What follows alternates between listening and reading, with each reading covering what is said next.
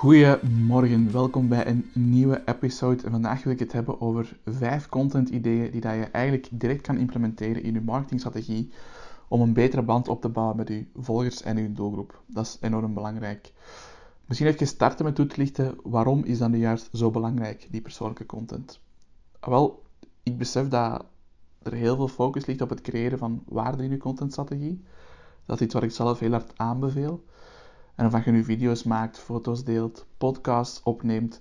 Je wilt door middel van je content eigenlijk je ideale klanten helpen. Je wilt inspelen op hun frustraties, die wilt je oplossen. Je wilt hun helpen om hun doelen te bereiken door actiegerichte content te delen. En je wil hen helpen om struikelblokken te overwinnen. Dat kan je doen door bepaalde kapstokken aan te reiken die helpen bij een bepaalde verandering, bijvoorbeeld. Waarde bieden, superbelangrijk dus. Zo creëer je autoriteit en toon je je expertise. Daarnaast wil je ook een band opbouwen met je doelgroep en dat is iets wat heel erg onderschat wordt. Een van mijn favoriete quotes, die toont ook aan waarom dat zo belangrijk is, namelijk mensen kopen geen fitnessprogramma, ze gaan een samenwerking aan met jou als coach.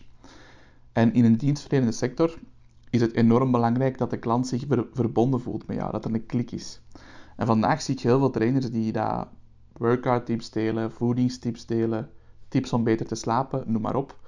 En die content kan heel waardevol zijn op zich, mits dat die contextueel is. Dus daarmee bedoel ik dat er geen algemene tips zijn, maar dat ze echt gericht zijn naar een specifieke doelgroep, die content. En dat is een heel goed begin, maar er mist nog iets. Af en toe een heel persoonlijke post waarin je wat meer vertelt over jezelf. Dat zou die contentstrategie nog krachtiger maken. Dat zorgt er ook voor dat je op een, op een dieper niveau een connectie maakt met je doelgroep. En dat zorgt er ook voor dat mensen zich verbonden gaan voelen met jou als persoon en bijgevolg dat ze sneller voor u zullen kiezen dan voor uw collega die misschien hetzelfde doet als jij. Iets wat ook heel vaak onderschat wordt, is de, de kracht van uw eigen netwerk. En dat is een ander punt dat ik graag wil aanhalen in deze episode. Dat is de kracht van uw eigen netwerk. Dat, dat wordt echt, ik kan het niet genoeg benadrukken, dat wordt gigantisch onderschat. Wanneer iemand vandaag start als personal trainer in bijberoep of in hoofdberoep, dan maken ze vaak een nieuw Instagram-profiel aan, een nieuwe Facebook-pagina, alle toeters en bellen. En mijn eerste reactie is dan vaak van, waarom heb je een nieuw Instagram-account gemaakt? En het antwoord dat ik meestal krijg is, ik wil mijn privé-profiel persoonlijk houden. Of ik wil op mijn zakelijk profiel reclame maken voor mijn business. En op mijn privéprofiel doe ik dat liever niet, omdat die vrienden en familie actief zijn.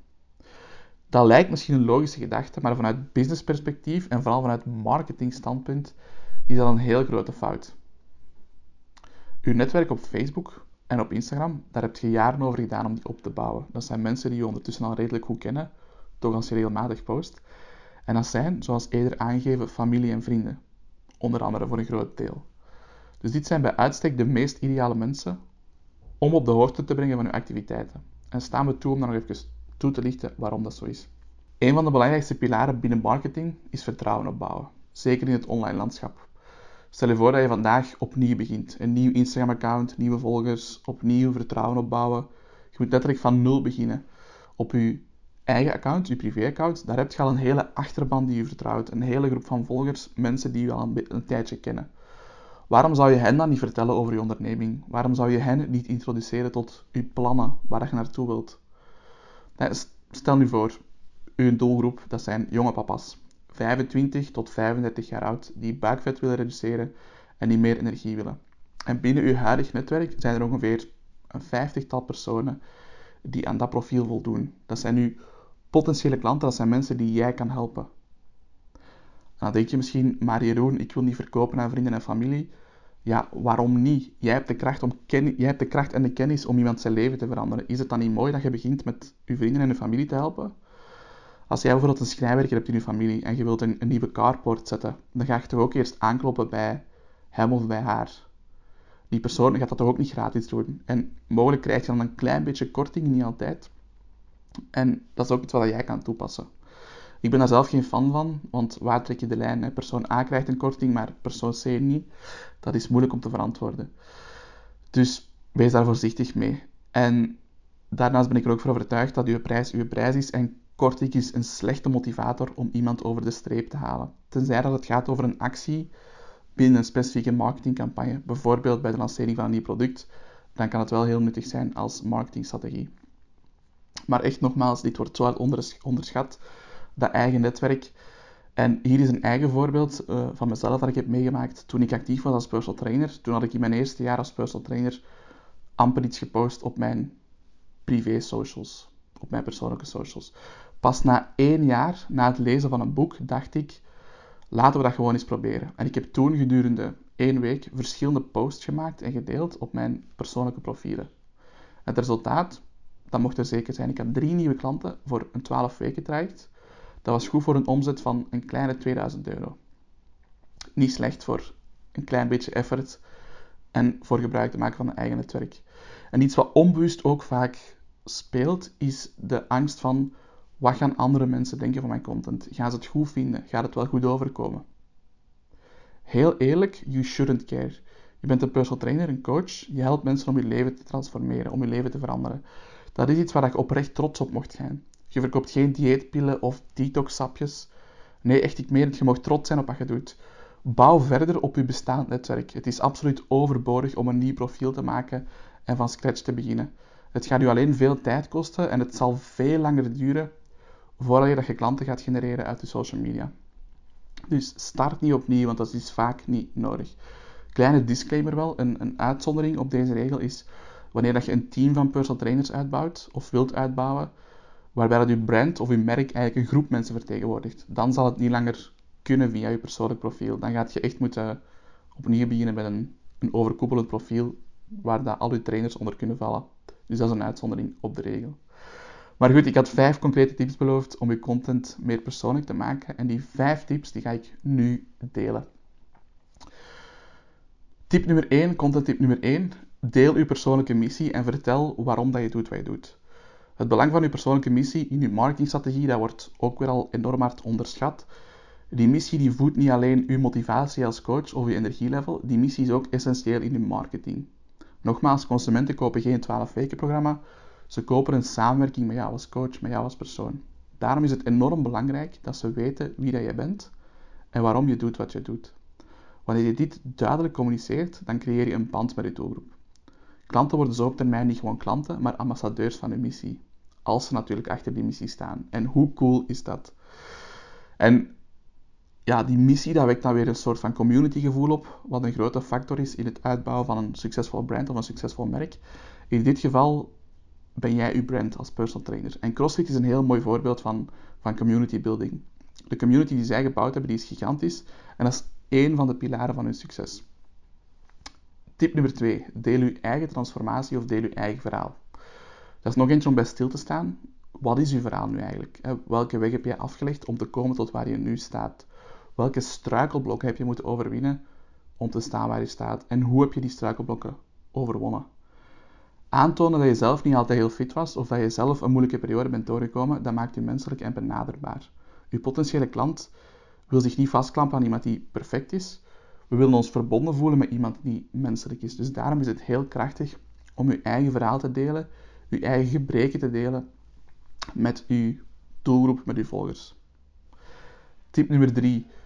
Uw grootste fouten. Als het gaat over het delen van successen, dan staan we vaak op de eerste rij. Denk maar aan het behalen van uw rijbewijs, uw diploma, uw nieuw personal trading certificaat. En daar is trouwens niks mis mee. Op die zaken mag je oprecht trots zijn. Maar wat ik te weinig zie, en dat vind ik heel jammer, is dat trainers en coaches hun fouten delen. Die fouten, net zoals bij type 2, die tonen het aan dat je menselijk bent. Die tonen aan dat je benaderbaar bent.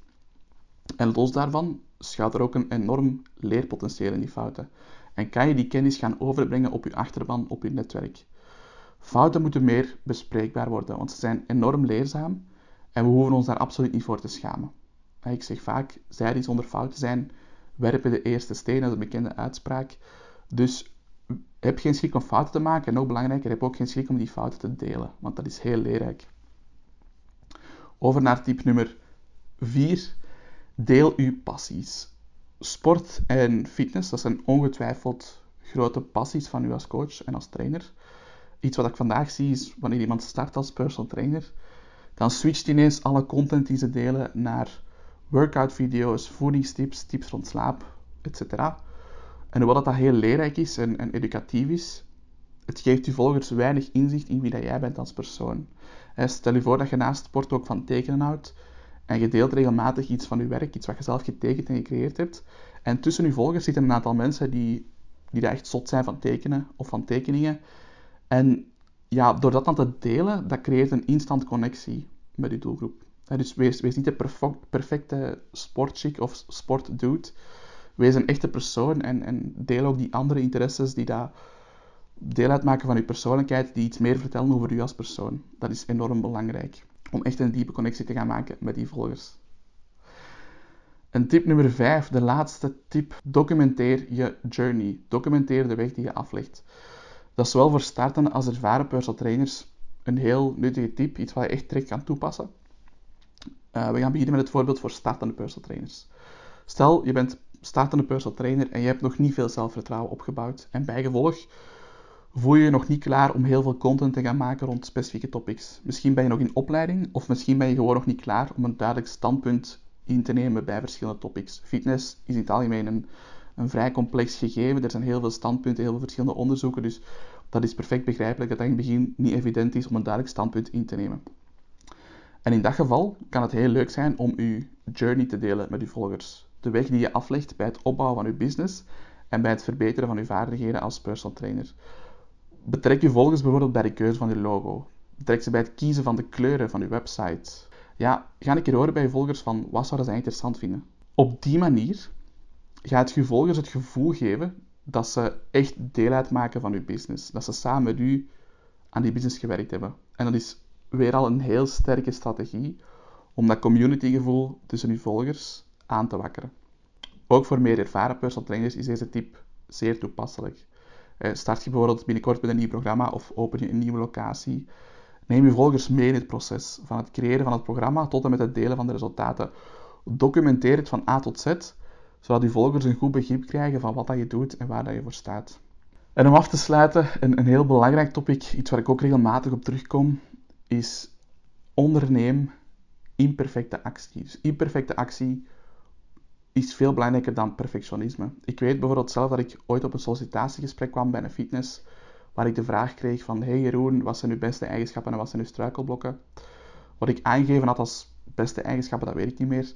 Maar als struikelblok had ik gezegd, ik ben een perfectionist. Waarop de persoon die het gesprek afnam toen antwoordde van, amai, dat is een slim antwoord.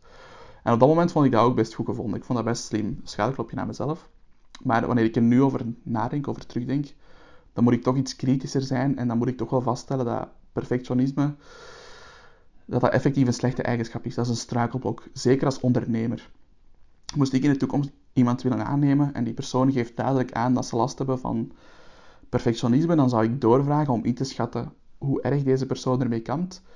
En dat zou ook een grote impact hebben op mijn beslissing. Ik wil namelijk liever werken met personen die knopen kunnen doorhakken en die sneller overgaan tot actie, dan dat ik wil samenwerken met een perfectionist die over elk stapje twijfelt en nooit overgaat tot die actie.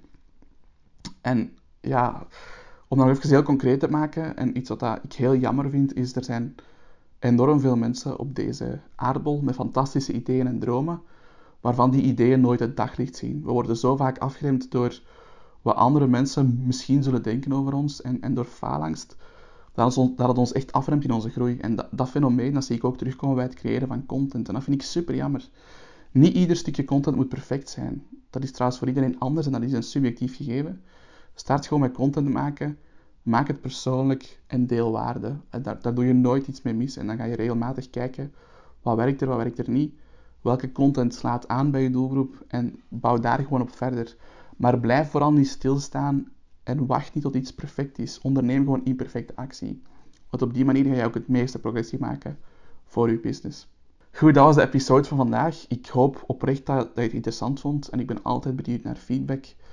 Wil jij me helpen om mijn missie verder te verspreiden? Deel mijn podcast of mijn video op je socials en tag me in je bericht. Dat vind ik altijd fijn. Dat is een grote meerwaarde. En wil je zelf aan de slag om je eigen online programma te maken en te verkopen? Dan kan je je gratis inschrijven voor onze 14-daagse minicursus op ptboost.be slash boost-challenge. Gratis deelnemen kan nog tot en met 31 december. Bedankt om erbij te zijn en tot de volgende episode.